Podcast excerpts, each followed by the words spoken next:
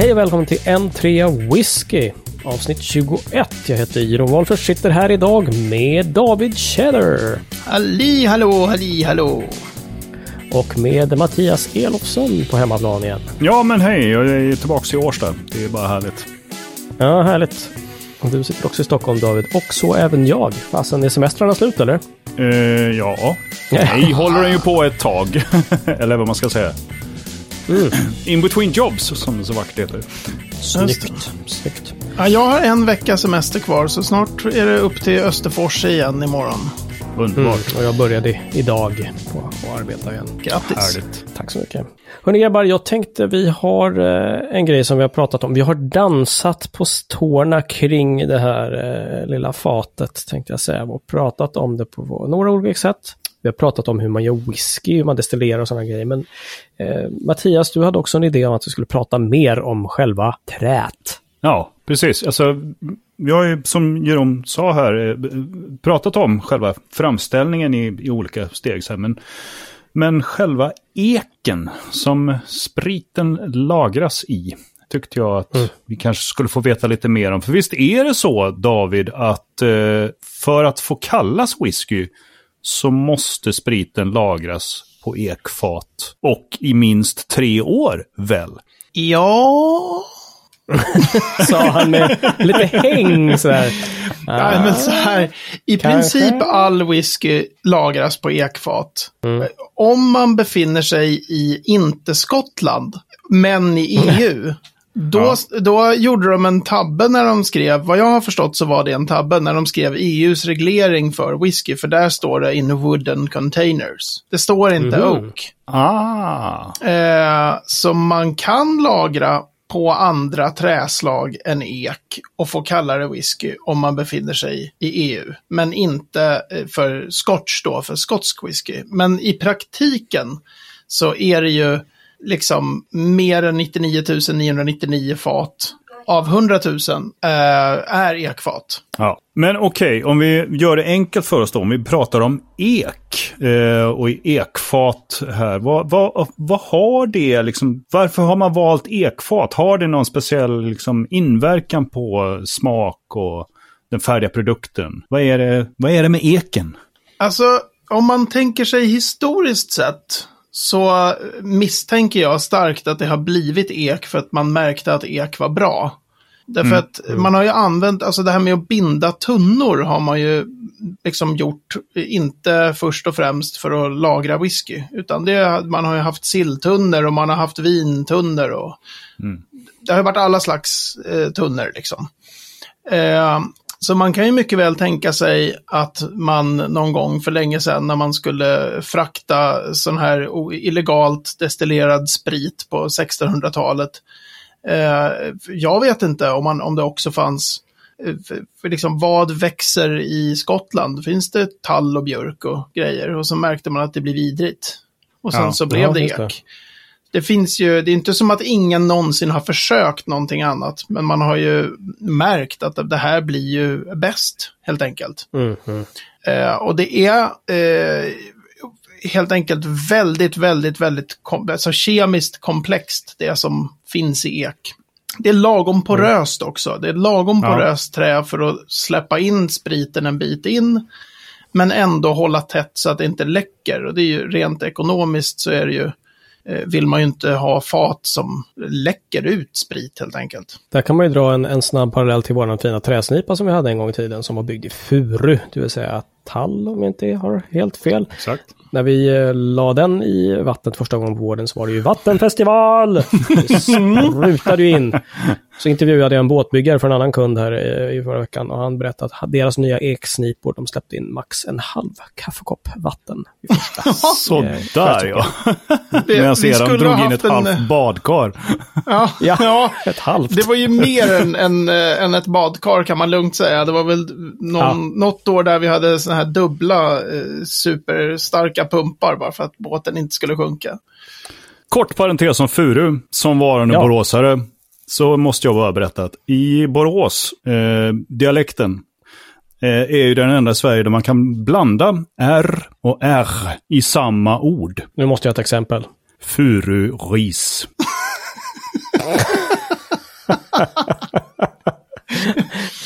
Det För det finns ingen som helst logik. Boråsare vet bara hur det ska uttalas. Fururis. Ja, Fururis. stiligt. Okej, Ja. tillbaks till ämnet. Ek. Ja, Okej, olika typer av ek. Finns det, alltså, man hör lite grann att det ibland eh, används olika sorters ek, alltså olika ekträdsstammar alltså.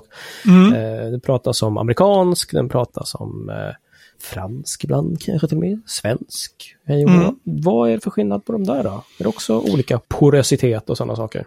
Alltså, man brukar säga grovt sett då, eh, alltså, om man säger skotska branschen, de, där använder man väldigt mycket så här French Oak, Spanish Oak, American Oak. Men eh, om man ska vara lite noggrann med det där så är det ju, det är ju ek, eh, släktet är ju viktigare. Och de är ofta såna här shorthands för någonting annat. Eh, så att American Oak betyder nästan, nästan alltid Quercus alba. Quercus är då ek på Ja. latin. Eh, Åh, gud vad jag borde ha läst på om det här innan. Vilken som är vilken. Det finns alltså Quercus petrea och Quercus robur. Mm. Och jag försöker nu tänka om det är robur som är den franska och petrea som är den spanska eller om det är tvärtom. jag kan inte All det right. här utan till i huvudet helt enkelt. De ger ju olika saker. Alltså eksorten betyder väldigt mycket för vilka dofter och smaker du får i din whisky. Mhm. Och man behandlar dem ofta på lite olika sätt. Eh, så att de här eh, faten av amerikansk ek, som nästan alltid är Quercus alba, men när man petar på såna här väldigt, eh, väldigt, väldigt kunniga människor som Henrik Molin på Spirit of Ven till exempel, då har han så här Quercus muhlenbergensis, och man bara wow, det här är något helt annat. Bara, ja, det, är, det är amerikansk ek, men det är en, faktiskt en annan eksort. Ja, okej. Ja. Eh, så att det, all där. amerikansk Alla- ek är inte Quercus alba, men det måste man gräva ganska djupt för att, för att få fram. Men de är ju nästan utan undantag kolade. Det vill säga, de har använts för bourbon. Och, och att Mm. kola ett fat, då eh, sätter du eld på insidan av fatet i x sekunder. Det brinner rejält. Liksom. Det är att kola ett fat och då får ju den här, att de ser ut som grillkol typ. Okej, men det, alltså vi snackar sekunder bara. Jag trodde de stod ganska länge och liksom bara typ brann på insidan. Nej, för att de är ju, du har ju bara några centimeter. Jo, alltså, jag vet inte liksom hur tjockt ett, ett fat är. Nu besitter jag och börjar titta på mellan fingrarna här, men de är ju inte tjocka de där stavarna. Så att eh, det är inte minuter, då brinner de upp liksom. Okej. Okej. Eh, sen om det är eh, 30 eller 15 eller 10, det har inte jag så att säga aktivt i huvudet. Men vadå, man tänder en eld och bara ställer tunnan ovanpå där på något vis då? Ja, det är ju den, den traditionella vanliga, tänd en rejäl brasa med allt sånt här ekflisskräp som du har fått över när du har gjort fatet. Ja. Eh, sen finns det ju de som jag har sett eh, filmer från andra destillerier och deras eh, tunnbinderier. Då har man ju eh, alltså, så här, ungefär som en eldkastare. Ja, ja, rejäl. Men görs, görs det här innan det eh, till exempel då läggs sherry eller bourbon i? Eller görs det liksom... Ja, det, Efter? det, det, det görs innan man lägger den här råspriten för bourbon framförallt. De må, bourbon måste lagras på sådana här kolade fat och de måste vara av amerikansk ek. Ja. Eller om de inte måste vara av amerikansk ek, det är intressant. Ja. Men det är Men ju jag i tänker en, praktiken sån här sherry, en sherrylagring till exempel. Är det då kolat redan från sherryproduktionen? Nej, utan alltså de sherryfaten, de är istället rostade. Därför att du, då rostar du eh, stavarna ordentligt för att kunna få dem så här böjbara för att kunna göra en butt eller en hog- hogshead. Och de är normalt sett då inte kolade. Så det i sin tur påverkar också vad du får ut för dofter och smaker. Inte bara att det kan vara en annan ektyp, utan att du har förberett den på ett annat sätt. Okej. Mm. Eh, Så vinfat till exempel, om man använder rödvinsfat, de är rostade. Sherryfat är rostade. Kolade är de liksom om det är bourbonfat. Aha. Så det finns okej. både det här med, med ektyp och hur man har preppat fatet. Då. Men det är inte så att någon tar så här, nu har vi fått de här skitbra sherryfaten från sherryproduktionen. Vi tar och kolar dem innan vi gör whisky. Eh, nej, Nej. det gör man inte. Man, det finns en speciell teknik man gör med rödvinsfat ibland, som är att man skrapar bort och sen så kolar man dem och sen så fyller man dem. Det är väldigt speciell, ganska ny grej. Som man kallar för STR casks. Shaved Toast Recharred. Det brukar man använda just för att man använder dem helt enkelt nya rödvinsfat. Ja, Som man gör en speciell, men det är liksom en, en specialare. Mm, okej. Okej. Så att de är, det, det är både hur eken har, har preppats på lite olika sätt och att det är olika arter av ek. Eh, Just det. så att det är, Jag tror att du även har sagt någon gång att, det, att eh, även arterna av ek alltså gör skillnad på färgen va? På whiskyn.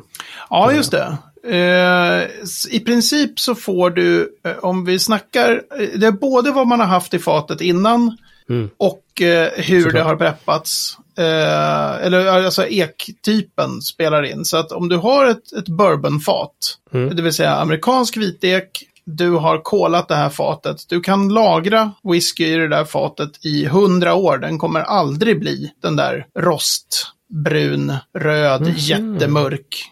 Eh, den Okej, kommer bli mörkare och mörkare, absolut. Men den kommer aldrig nå det där när den nästan närmar sig svart. Liksom. Nej, För det är fel ektyp, okej. helt enkelt. Okej, Ja, okej. För det. Aha. Sen om du har amerikansk ek i ett sherryfat, vilket är ganska vanligt, det är det absolut vanligaste numera, att man har att eh, sherryfaten är av amerikansk ek också. Eh, då spelar ju sherryn in för färgen. Då. Mm. Men eh, riktigt, riktigt mörka, det får du då istället av Quercus petrea och Quercus robur. All right, okej. Coolt. Och även svensk ek va? Eller? eh, Ja, precis. av Och, svensk ek är robur. För det Ja, mesta. Jag okej. tror att i princip all svensk ek är, är robur. Men Mm. eh, Okej. don't take my word for it liksom. Nej, nej. Vi kan jag vet ju inte vad ni säger att vi ska prata om innan så här. Så man, eh, jag har inte suttit och, och gjort en stor sån här utredning. Men David, det här ska du veta. Jag ska veta allt. Det är därför du är med i den här podden. Ja, nej. Men det, det roliga då med, om man, för man, det är ju lättare att säga så här French oak, Spanish oak, Swedish oak, Hungarian oak, Russian oak. Alltså, det, Men och ektypen, å ena sidan kan man tycka så här, men en ektyp bryr sig inte om var den växer. Right? Utan Ja, en, en. Quercus eh, robur är ju inte så här, oj, nu är jag Norwegian oak för jag är 400 meter längre västerut liksom. Ja, Just det. Ehm, Quercus Kaflochenkoch. Ja, och då skulle man ju tycka att det spelar ingen som helst roll var eken har växt, utan det spelar bara roll eh, liksom vilken ektyp det är. Men det är ju inte heller sant. Nej, Därför jag tror nog att en pomolog skulle ha någonting att säga om det där. Ja, pomolog. Pomolog, är inte det en Ja. äppel, Jag tror det precis. Eller? Jag, jag tror att du letar efter en arborist, käre Ja, boråsare. det kan man ha arborist också. Arbiholist, en eh, Eh, nej, men så det blir. Nej, det, det blir olika även utifrån klimat. Och det är till och med så, den här, det här irländska destilleriet Waterford delade för ganska länge sedan en film om eh, fransk ek. Där de menade på att även stavar från liksom eh, varifrån i trädet du tar det och, och träd som har växt fyra kilometer ifrån varandra har jättemycket olika procent tanniner och annat då, ligniner och allt det här som finns i Mm, eken. mm. Så att Okej, vilket klimat det är där det växer eh, spelar också stor roll. Men det är de Ja. tre, de tre Mhm. stora. Det finns en jättebra läsning om, om ek och eh, förberedelse av fat eh, som Roger Melander har skrivit till när de hette Box fortfarande, som hette eh, Masterclass eh, volym 1, Toasting Levels, där man jämförde olika rostningsgrader av olika typer av ek. Så där finns Okej. det nog mycket. Underbart nördigt. Ja. Härligt. Det kan vi länka till om det finns kvar. Ja, just det. Det finns ju en till eh, eksort eh, som faktiskt används särskilt inom japansk eh, whiskyindustri, nämligen Misunara-eken, som är då eh, Quercus mongolica. Men om den växer i Japan så kallas den då Misunara-ek. Eh, som också ger helt andra eh, dofter och smaker än de andra eksorterna. Sen finns det ju massor med fler eksorter. Och säkerligen eh, en del, det finns något amerikanskt destilleri som har gjort något, tror jag, på någonting som heter typ Chinkapin, eller något sånt, ek. Just det. Eh, men jag tror att mycket har nog liksom prövats och sen så har man funnit att eh, not so much denna ektyp. Så att det är Nej, ingen det. slump att det, att det, det, vad vet jag, jag kan tänka mig att det finns tusen sorters ek. Men, men det är ju i mm. princip, Jag tror som du. Mm. ja, det är ju det amerikansk vitek dominerar ju fullständigt liksom i, i vad man använder i praktiken. Just det. Men den måste ju också finnas i, i en viss mängd. För att det går ju åt en del. Jag tänker. Ja, det går åt en del. Mm. Det kan ju inte vara liksom den, den, den sydfinländska mini-eken som finns i tre stycken exemplar. Det blir liksom Nej, precis. kört liksom. Det är så här, det här är super rare. Vi har precis dödat den här ektypen. Ja, precis. Vi har utplånat den från eh, habitatet helt enkelt. Ja, precis. För att göra whisky. Oj Ja. jävlar, oj, gjorde ni det? Du, hur blev whiskyn? Nej, inget vidare. Ja, Men det var värt det. Eller nej, vänta. Nej, Nej, precis. Ja, fan. Förlåt. Men det som är roligt är att man kan ofta, om man har hållit på ganska länge med smaknoter som jag har gjort och, och liksom provat mycket whisky. Om man tar just eh, sherrylagringar och det, vad det nu ska vara, om vi tror att det är Petrean som är den, det som brukar heta Spanish Oak då. Eh, ganska ofta kan ju jag gissa rätt blint om den här singelkasken var från en American Oak eller från det som då kallas Spanish Oak. Är De är ganska olika. Eh, mycket mer liksom eh, kryddor och ja, det är, liksom en, det är mycket mer tanniner i spansk ek. Alltså tannin, man, pr- man pratar rödvin, när, när rödvin är så här lite kärvt i munnen. Mm, mm. Det är då Mm. tanniner. Och det finns mycket, mycket mer tanniner i, i spansk ek och mycket mer liksom vanilj och kola och, och godistoner då i, i amerikansk ek. Mm. Det är ganska vanligt ändå skulle jag säga när jag blindprovar sherrylagringar. Att jag är så här, fan men den här måste ha varit spansk ek. Och så bara yes! Så de är, ganska, de är ganska olika då. Imponerande. Eh, ja, Coolt ju. fast jag, jag tror inte att jag har några galna smaklökar egentligen i mig. Jag har nog bara provat mycket. Ja, men det är Vet som allt, med, det är en, en övningsfråga. Liksom. Ja, precis. Ju mer man kör, desto mer lär ja, man sig. precis. Så att, och det, nu har vi verkligen bara skrapat på ytan, men, men så olika ektyper ger olika dofter och smaker helt klart. Det, Mm. Sen kan vi prata i timtal om hur man förbereder all den här eken och så, men det, då tror jag vi, vi får köra eken volym 2 sen, någon gång framöver. Ja, precis. Ja. Det får vi Ja, absolut men, göra. eh, men bra ändå, för man, man undrar ju ibland varför, eh, varför det är just ek liksom som är the shit. Eh, Varför det ser Mm. mer så här Ja, jag, jag tror att... att eh, enfat.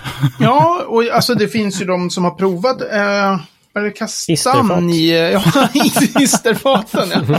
Jäklar vad jag, vad jag är Från asgarvad åt det. lard-trädet. Mm. Quercus lardi.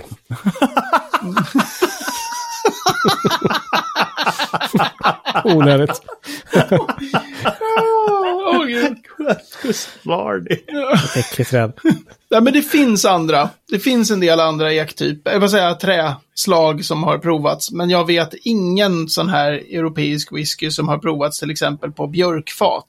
Och då kan man ju vara bombsäker på att någon har provat det och det blev vidrigt. Ja. Eller Mm, tall. Att det är så här, ja, men vi kollar vad som händer. Så bara, okej, det smakar kåda och eh, sågspån liksom. Det här kan vi inte Ja. ha. Just det.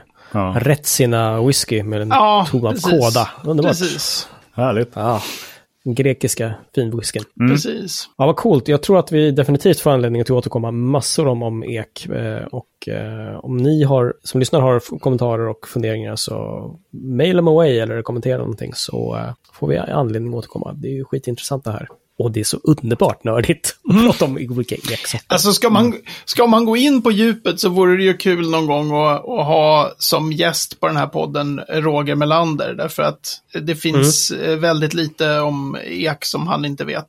Eh, och, och är just också som toknörd, nyfiken, har provat det mesta när det Mm. gäller ektyper. Ja, det får vi ju styra upp. Podgoals. Ja, eller hur? Ha med honom och så kanske han, det finns väl ett svenskt eh, tunnbinderi också som, eh, Absolut, Johan Torslund på Torslund Kagge. ja, Just det. Eh, den killen kan en del om ek, kan man väl eh, lugnt säga. ja. Just det. Ja, det, det försöker vi sy ihop. Det vore sjukt roligt. Mm, Vi absolut. kollar det. Det har blivit dags för veckans ord. Mattias, har du lust att introducera vad fasen är det vi ska prata om idag? Ja, eh, jag läste i något, eh, någon sån här whiskyforum någonstans och eh, nu var det någon som nämnde ordet re-rack som jag blev lite nyfiken på. Vad Ja, det är ju en tennisterm. Re-rack, ja just det. Man Ja, ja, det är ju när, återanvänder eh, gamla racket där. Ja, precis. Eh, John McEnroe var jävel på att fixa in re-racks faktiskt. Japp. Jag det tänker alla sådana här rack, rack-system när man har eh, sina effektpedaler i till gitarrerna.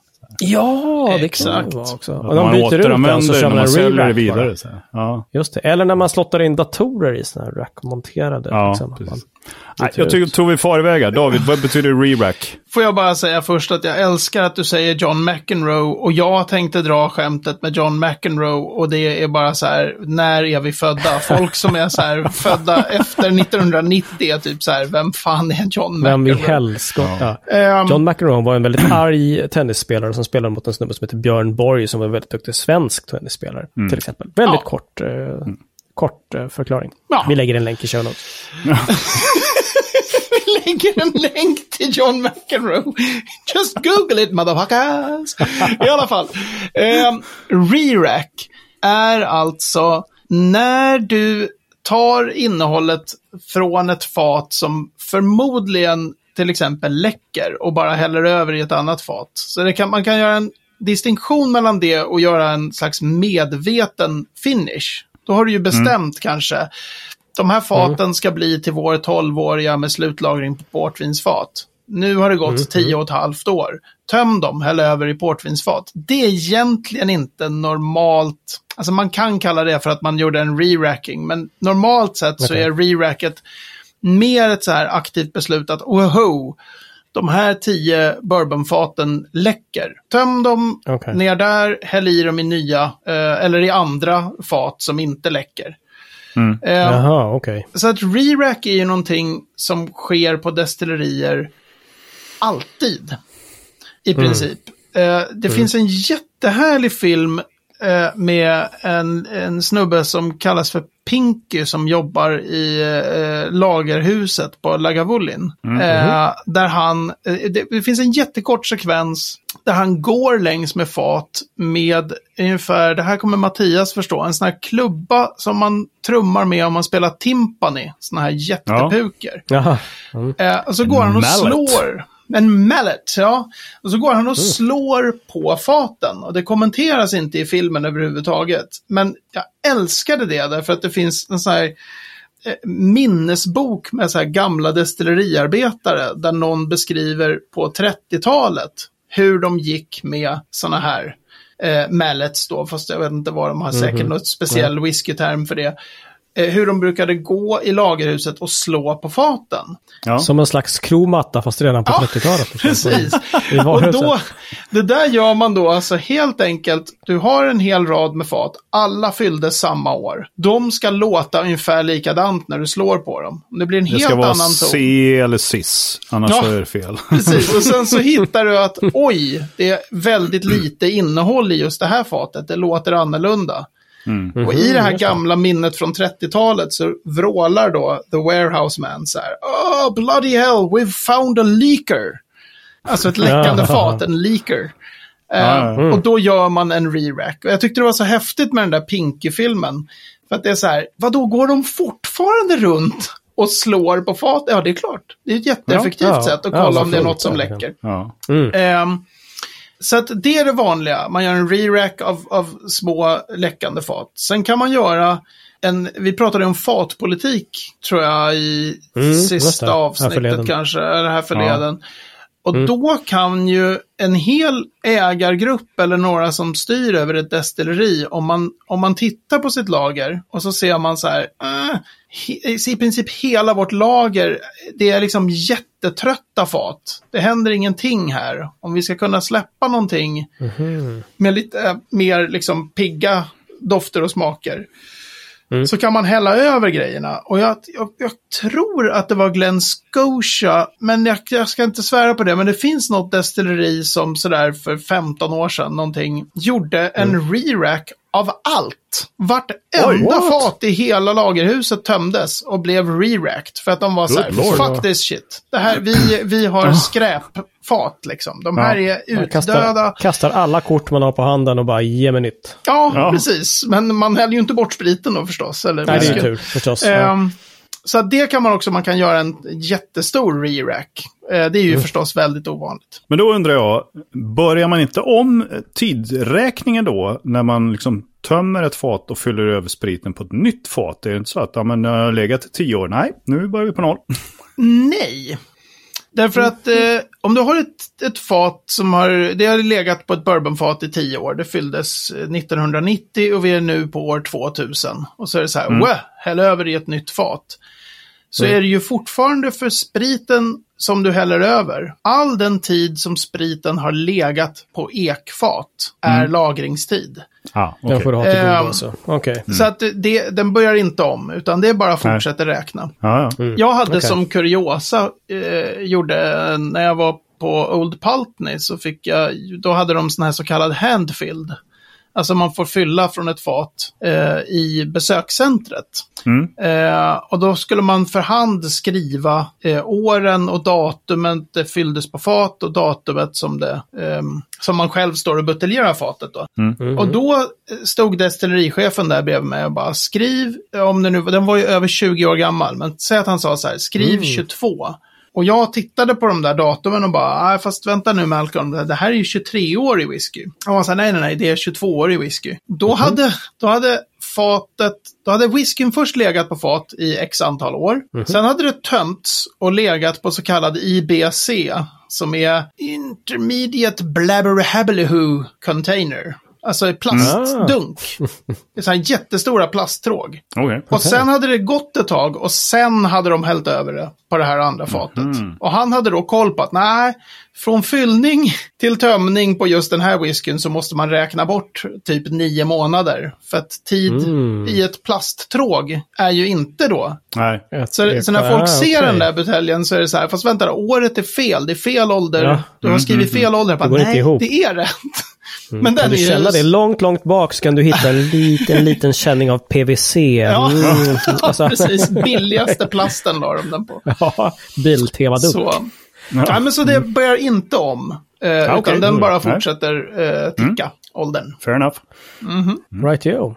Bra, okej, så inga jäkla tennisracketar här inte, utan uh, man nej. gör en liten racket av, eh, och så byter man fat helt enkelt. Var, om man måste eller inte egentligen. Det, Mm. Det verkar ju i, i det där stället som du nämnde, om det nu var Glen Scotia, så kan man ju ta ett beslut att nej, nu häller vi över allting. Men Ja. ofta är det just så att, man, att de har gått sönder, att de börjar läcka. Då måste man Precis, precis. Och det är någonting som sker liksom kontinuerligt hela tiden i lagerhusen. Så att ibland så är folk lite så här, gud varför, varför har ni inte bara haft kvar det på originalfatet? Ja men det läckte. Det är liksom, varför skulle vi... Och det gör ju fat. Det är ju där, fyller du tusen fat så kommer några läcka. Det är ju ekonomisk idioti att låta det bara rinna Ja, ja, ja. ut. Så det är klart man häller det. över det på ett fat som inte läcker. Liksom. Nu har det blivit dags för veckans destilleri och här vet jag att eh, Mattias kommer att eh, ha en, ett litet finger med i spelet också faktiskt. Så vi får lägga på lite grann. Det brukar ju vara tre minuter det här annars va? Ja. Som, eh, som David har på sig. Och nu David ska du få snacka om eh, Highland Park. Varsågod och börja. Okej, Highland Park är ett destilleri med snygga grindar.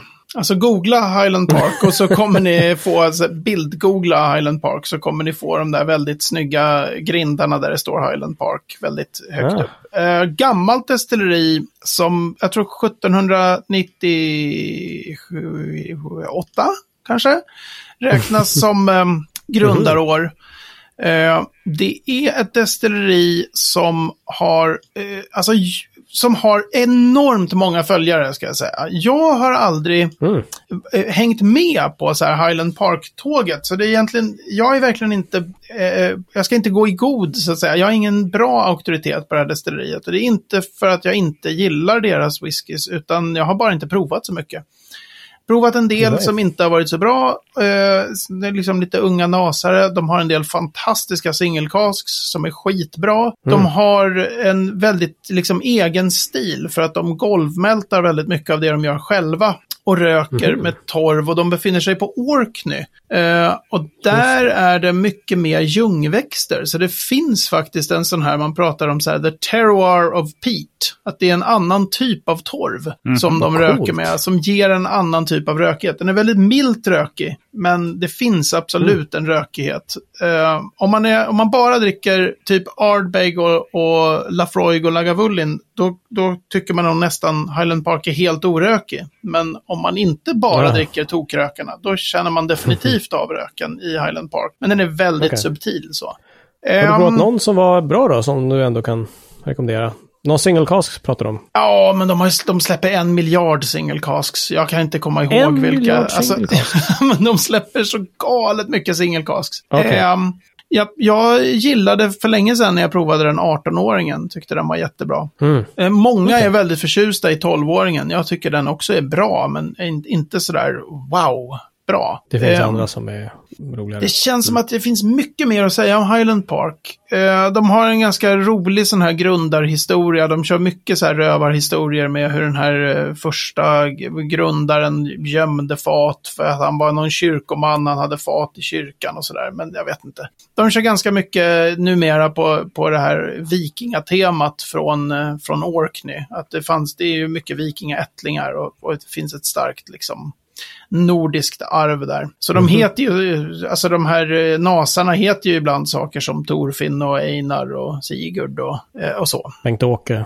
Ja, Bengt-Åke, precis. Oj, tre minuter. Nu får vi släppa in Mattias här som har tankar om Highland Park. Ja, för det finns ju faktiskt ett, något annat som de är väldigt kända för. Alltså, du pratar ju om det här med, du, du nämner ju det här, du är inne på någonting. Och det är väl kanske det här vikingaarvet som, ja, eh, frågan är hur starkt det är. Men eh, Mattias, vad tror du? Ja, alltså jag undrar ju också, nu fick jag ju lite förklarat här då, men, men de har ju, eh, det är ju väldigt mycket vikinga liksom eh, attribut på eh, formgivningen av både flaska och förpackningar och etiketter och allting. Det är liksom, Mm. det är runor hit och det är drakar och ormar och grejer. Men framför allt så är det liksom, och då kanske jag är ute och cyklar helt här, men de har en hel del sådana här presentförpackningar som är liksom trälådor som är formade som liksom för en på en vikingabåt. Och Mm. nu när jag bildgooglar här så kommer det fram något riktig jävla styggelse som är...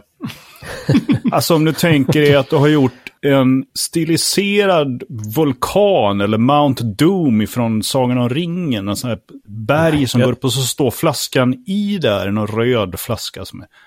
Ja, det är Alltså- Fire. Ja, det. Fire för- Edition. Fire? Mm.